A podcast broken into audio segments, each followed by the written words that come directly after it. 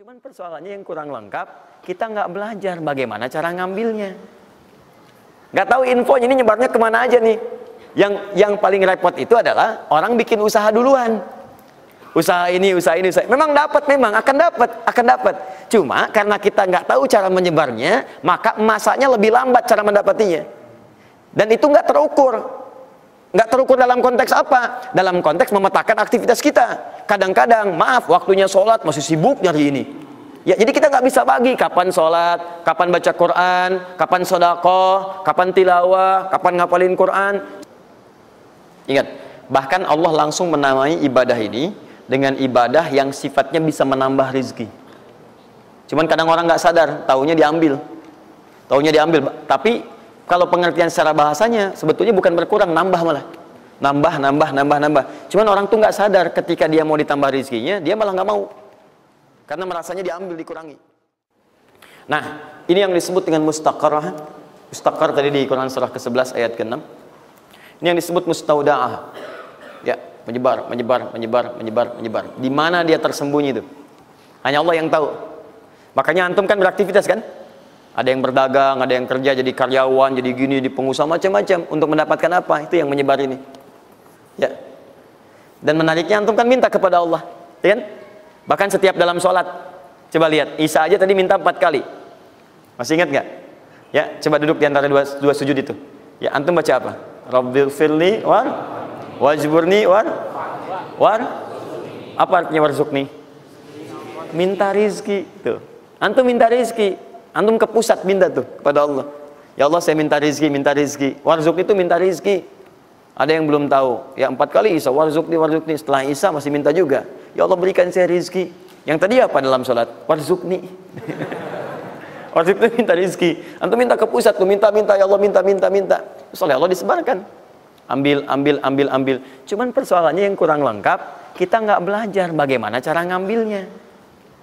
Nggak tahu info ini nyebarnya ke mana aja nih. Yang yang paling repot itu adalah orang bikin usaha duluan. Usaha ini, usaha ini, usaha. Memang dapat, memang akan dapat, akan dapat. Cuma karena kita nggak tahu cara menyebarnya, maka masanya lebih lambat cara mendapatinya. Dan itu nggak terukur. Nggak terukur dalam konteks apa? Dalam konteks memetakan aktivitas kita. Kadang-kadang, maaf, waktunya sholat masih sibuk nyari ini. Ya, jadi kita nggak bisa bagi kapan sholat, kapan baca Quran, kapan sodako, kapan tilawah, kapan ngapalin Quran. Coba lihat Abu Bakar As-Siddiq radhiyallahu taala anhu. Itu kan pedagang sukses, pebisnis sukses, hartanya banyak, tapi masih sempat sholat tahajud sampai hatam Quran. Masih sempat sehari punya program sodakoh, sehari nengokin orang sakit, sehari bisa menyolatkan orang yang meninggal, sehari bisa nganterin orang ke alam kubur. Itu ketika Nabi tanya, siapa malam ini yang hari ini yang sempurna jamaahnya, ngacung semua. Siapa hari ini sudah sodakoh, sebagian turun tangan, Bakar masih angkat. Siapa hari ini yang sudah membaca Al-Quran, beliau angkat. Siapa hari ini yang nengok orang sakit, beliau angkat. Siapa yang hari ini sudah mengantar orang ke jenazah ke kuburan, beliau angkat. Semua yang dikatakan Nabi, beliau angkat tangan. Nah, pertanyaan saya itu bagaimana cara manage aktivitasnya? Karena beliau tahu kunci rezeki itu ada di sini. Kalau nyebarnya ke sini, ke sini, ke sini, ke sini, maka beliau atur aktivitas ibadah saya ini yang ke sini, yang rezeki ini yang ini. Atur waktunya kapan mendapatkan yang ini, kapan dapat yang lain. Yang paling dahsyat ini nanti yang akan kita bahas. Ada rezeki bahkan yang belum dicari, dia sudah datang min haitsu la yahtasib, dari sisi yang tidak dia ketahui. Ya, nanti kita lihat dan kita buktikan dengan ayat-ayatnya. Satu, jenis pertama, Rizki yang mutlak dicari dengan ikhtiar. Ikhtiar. Dalam tanda kurung usaha. Dalilnya Quran surah 53 ayat 39. Quran surah 53 ayat 39. Ya, malam ini insya Allah saya buka pintu yang pertama adalah pintu ikhtiar. Ya, Ya, jadi antum kalau sudah tahu pintunya, nggak usah dari pintu ke pintu antum mengetok untuk menawarkan nama. Ya. Karena ada yang dari pintu ke pintu, kau coba tawarkan nama gitu. Antum nggak usah, gak usah gitu. Udah tinggal antum ini kan aja ini. Satu, e, ikhtiar lewat usaha. Turunan dalilnya, turunannya. Satu, Quran surah kedua ayat 168. Kalau ingin dipercepat, Quran surah kedua ayat 172 Kalau pengen lebih cepat lagi, Quran surah ke-7, oke dah. Ayat 96. Dan sampai sini. Nah, kalau terjadi semacam terlihat ya pelambatan, pelambatan, maka ada teori. Jangan dilihat sebagai pelambatan, tapi dilihat sebagai percepatan akumulasi. Ya, akumulasi supaya terkumpul lebih banyak pada saat antum membutuhkannya. Ya, nanti kita lihat dalilnya di Quran surah 46 ayat ke-15. Ya. Ini. Ini wajib hafal ya. Tenang aja, pertemuan kita berikutnya kapan? Masih satu pekan. Pekan. Gampang. Masya Allah. Orang tiga hari apa terus ayat Ali Imran. Masa sepekan antum berapa ayat sih ini? Gampang ini. Ayatnya juga pendek-pendek insya Allah. Ya. Sudah? Jangan dulu dilihat, catat aja dulu. Kalau antum lihat sekarang, antum nanti udah ini duluan. Catat dulu aja. Sudah? Sudah ya? Baik, ini udah. Nah, sekarang turunannya, kan ini baru intinya. Turunan amalannya. Ini wajib antum kerjakan. Satu, di turunan amalannya. Quran surah ke-17 ayat 78 sampai 82. Ini wajib antum kerjakan. Demi Allah saya katakan wajib antum kerjakan. Kalau ini antum gak usah hafalkan untuk dites. Ini gak akan dites, insya Allah. Tapi antum wajib amalkan saat nanti menunaikan ibadahnya. Baca ayat ini. Ya, dites oleh kita sih enggak. Cuman saat antum kerjakan mesti hafal ini saat ibadahnya. Ya. Karena antum akan baca dalam sholat. Ya. Sama aja dong katanya. Teruskan. Terus terus. Quran surah ke-73 ayat 1 sampai 20. Tidak akan muncul di ujian. Insyaallah. Dah? Teruskan. Quran surah ke-15 ayat 9. Dan Quran surah ke-54 ayat ke-17. Satu ayat saja. Mau satu ayat, mau empat ayat? Empat ya, boleh ya? Empat ayat ya, boleh ya? Ayat 17, ayat 22, ayat 32, ayat 40. Empat ayat. Insya Allah saya bermohon kepada Allah, empat ayat ini bunyinya sama supaya memudahkan hafalan antum.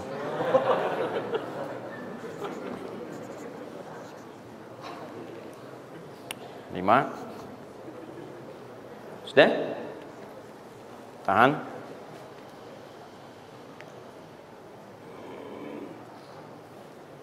Sudah?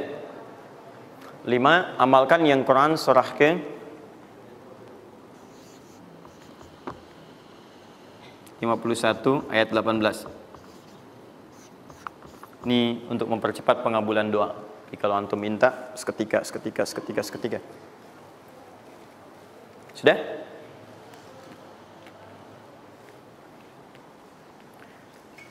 Mau saya kasih bonus gak? Gak, bonus ini sifatnya spesial. Bahkan ketika antum mengerjakan, rezeki itu bisa datang. Dan saya langsung berikan contohnya. Tapi kalau ini saya tuliskan, wajib hafal. Siap ya? Karena ini tawarannya tinggi, tawarannya tinggi, ya. Pilih mana? Enggak saya kasih, antum cari sendiri atau saya kasih tapi wajib hafal. Boleh ya? Baik. Dan ini ayat pertama, mana panitia? Lihat ya, ingat baik-baik, ini ayat pertama yang akan menguji. Jadi password kunci pertama untuk masuk pekan depan ayat yang ini. Quran surah ketiga Ali Imran ayat 35 sampai 39.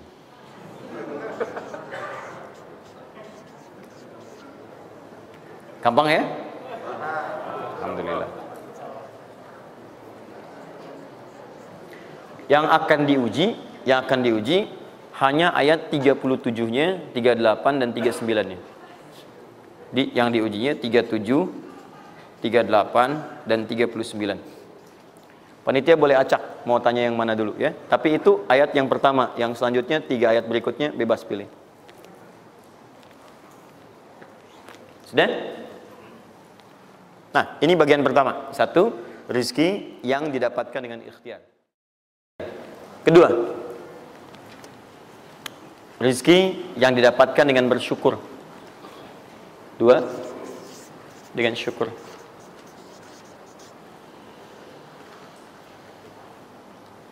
Dalilnya Quran surah ke-14 ayat 7. Quran surah 14 ayat 7.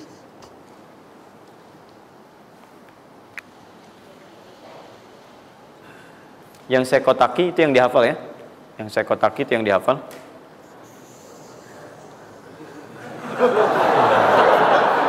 Iya. Enggak ini inti ayatnya. Saya serius ini inti. Ini harus ada, harus ada. Ini karena ini saya sering katakan ketika Anda menghafalkan, itu spirit ayatnya ada dalam jiwa kita. Kalau bisa udah otomatis gitu.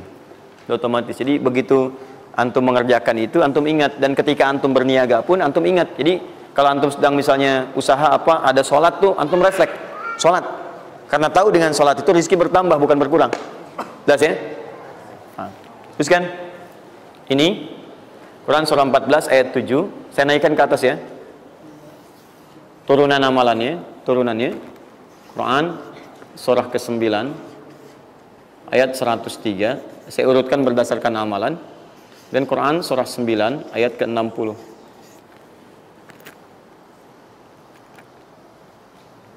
sudah? ingat bahkan Allah langsung menamai ibadah ini dengan ibadah yang sifatnya bisa menambah rizki. Cuman kadang orang nggak sadar taunya diambil. Taunya diambil tapi kalau pengertian secara bahasanya sebetulnya bukan berkurang, nambah malah. Nambah, nambah, nambah, nambah. Cuman orang tuh nggak sadar ketika dia mau ditambah rezekinya, dia malah nggak mau. Karena merasanya diambil, dikurangi. Ya, nanti kita akan lihat. Jangan lu dibuka ayatnya Pak. Ya, itu saya. Nah, tawaran saya yang kedua nih. Ya, ini kan tadi tawaran pertama. Mau nggak saya kasih bonus lagi? Nah, saya serius. Ketika Anda kerjakan, penambahannya langsung minimal 700 kali lipat nilainya. Mau? Alhamdulillah. Sama, ini tiga, ini pun harus tiga. Ya. Quran surah kedua ayat 261 sampai 263. Nah, ini saya kotakin.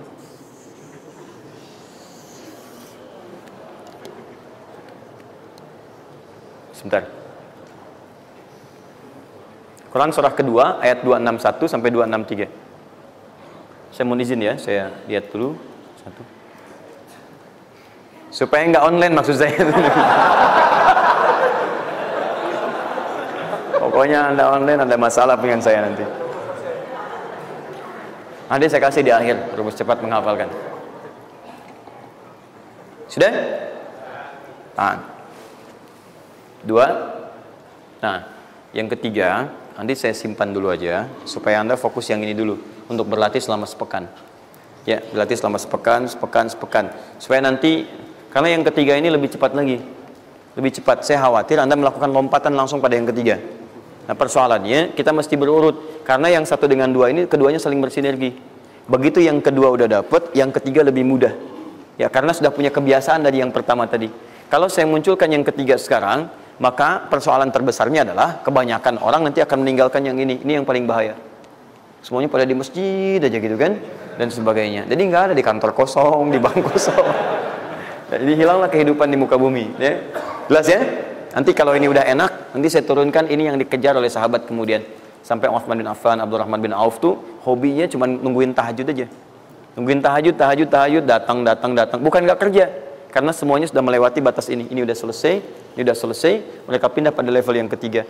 Itu kalau tiap malam lomba dikisahkan oleh Imam An-Nawawi dalam kitabnya Tibyan. Itu lomba dengan Abdurrahman bin Auf, Tamim Ad-Dari. Itu tiap malam paling minimal sekali hatam Al-Quran dalam tahajudnya. Tapi dahsyatnya besoknya sekiannya itu selalu datang.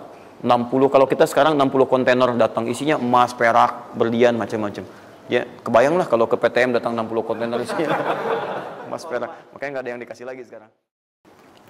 Ini yang eh, saya mohon maaf ya, mungkin teman-teman yang lain punya kebiasaan. Saya tuh kalau ada ulama atau yang lain baik, saya contohkan dari sana. Tapi kalau nggak ada atau ada pengalaman kita yang baik yang kira-kira tidak menghadirkan perasaan yang berlebihan, saya bagi mungkin antum bisa ikuti.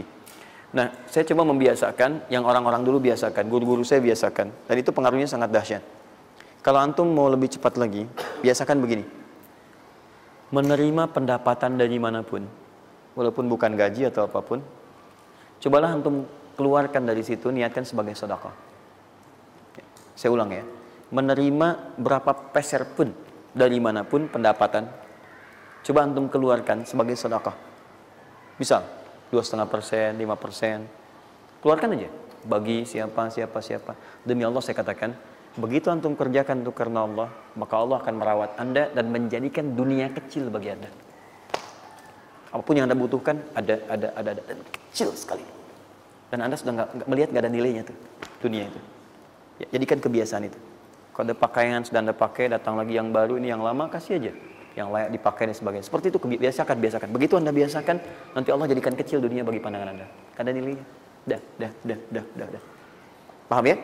Itu kalau antum mau ikuti silahkan atau kalau mau bertahan di yang pokok silahkan. Saya sudah katakan saya tidak akan menambah waktu lagi karena sudah jam 10 pas 20, 12 menit dari apa yang saya minta dan saya tutup dengan kalimat kalau ingin dimudahkan menghafal ayat-ayat yang disampaikan maka caranya cuma dua satu yakinkan antum bisa menghafalkannya yakin jangan ragu bisa bisa bisa yang kedua anggap mudah anggap mudah pokoknya kalau sedang ada merasa susah mudah mudah mudah bisa insya Allah ya siap Ya. Mudah atau susah? Yakin? Berapa ayat tadi? Sedikit. Itu banyak tuh jadi susah. Saya ulang, jangan pulang, jangan pulang, jangan pulang. Mudah atau susah? Mudah atau susah? Yakin? Nah, berapa ayat? Oh, luar biasa.